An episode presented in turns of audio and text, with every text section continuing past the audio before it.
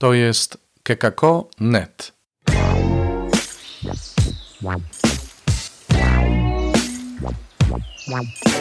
Poranny suplement diety. Komentarz ojca Alvaro Gramatika do Ewangelii według świętego Jana, rozdział 6, wersety od 1 do 15, na 17 niedzielę zwykłą 25 lipca 2021 roku. Potem Jezus udał się za jezioro galilejskie, czyli tyberiackie. Szedł za nim wielki tłum, bo widziano znaki, jakie czynił na tych, którzy chorowali. Jezus wszedł na wzgórze i usiadł tam ze swoimi uczniami. A zbliżało się święto żydowskie Pascha. Kiedy więc Jezus podniósł oczy i ujrzał, że liczne tłumy schodzą się do niego, rzekł do Filipa: Skąd kupimy chleba, aby oni się posilili? A mówił to wystawiając go na próbę. Wiedział bowiem, co miał czynić. Odpowiedział mu Filip: Za dwieście denarów nie wystarczy chleba, aby każdy z nich mógł choć trochę otrzymać. Jeden z uczniów jego, Andrzej, brat Szymona Piotra, rzekł do niego: Jest tu jeden chłopiec, który ma pięć chlebów jęczmiennych i dwie ryby, lecz cóż to jest dla tak wielu? Jezus zatem rzekł: Każcie ludziom usiąść, a w miejscu tym było wiele trawy. Usiedli więc mężczyźni, a liczba ich dochodziła do pięciu tysięcy. Jezus więc wziął chleby i odmówiwszy dziękczynienie, rozdał siedzącym. Podobnie uczynił z rybami, rozdając tyle, ile kto chciał. A gdy się nasycili, rzekł do uczniów: Zbierzcie pozostałe ułomki, aby nic nie zginęło. Zebrali więc i ułomkami z pięciu chlebów jęczmiennych, które zostały po spożywających, napełnili dwanaście koszów. A kiedy ci ludzie spostrzegli, jaki cud uczynił Jezus, mówili: Ten prawdziwie jest prorokiem, który miał przyjść na świat. Gdy więc Jezus poznał, że mieli przyjść i porwać go, aby go obwołać królem, sam usunął się znów na górę. W dzisiejszym fragmencie Ewangelii opisany jest cud rozmnożenia chleba i ryb. Scena przedstawia duży tłum potrzebujący jedzenia, liczący pięć tysięcy mężczyzn, natomiast dostępne zasoby są bardzo skromne, a mianowicie pięć chlebów jęczmiennych i dwie ryby, które ma chłopiec.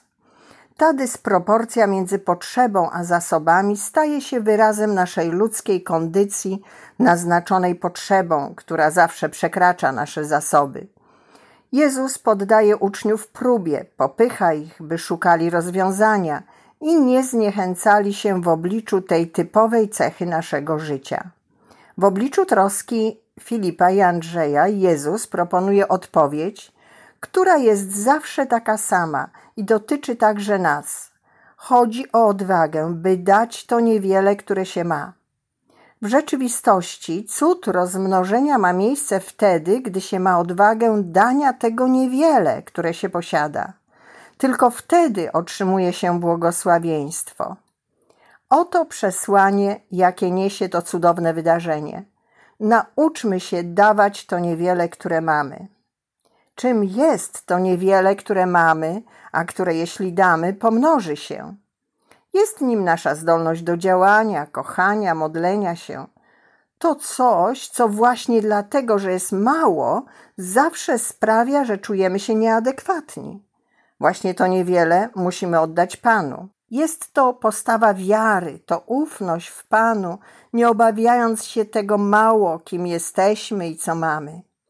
To uzdrawia nas z wszelkich pokus zasługiwania i roszczeń wobec Pana i życia. Uwalnia nas z wszelkiego zarozumialstwa i czyni nas pokornymi i ufnymi, a przez to odważnymi. W obliczu naszej biedy odpowiedź jest zawsze taka sama. Nie czekaj, aż będziesz miał dużo, by dawać, ale zacznij dzielić się tym niewiele, co masz.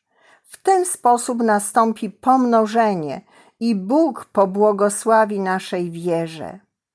Oto zatem prawdziwe pomnożenie. Pobłogosławienie naszej ufności, która sprawia, że zawsze i mimo wszystko ufamy Panu, który nas nigdy nie opuszcza, który przychodzi nam z pomocą, nie osądzając ani nie gardząc naszym mało. W rzeczywistości nasze mało nie robi nic innego, jak tylko wywyższa dobroć Boga i wzmacnia naszą wiarę.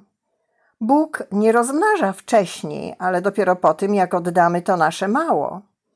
Tym, co interesuje Boga, jest nasz wzrost w zaufaniu i przezwyciężenie lęku przed brakiem i przed tym, że nie poradzimy sobie.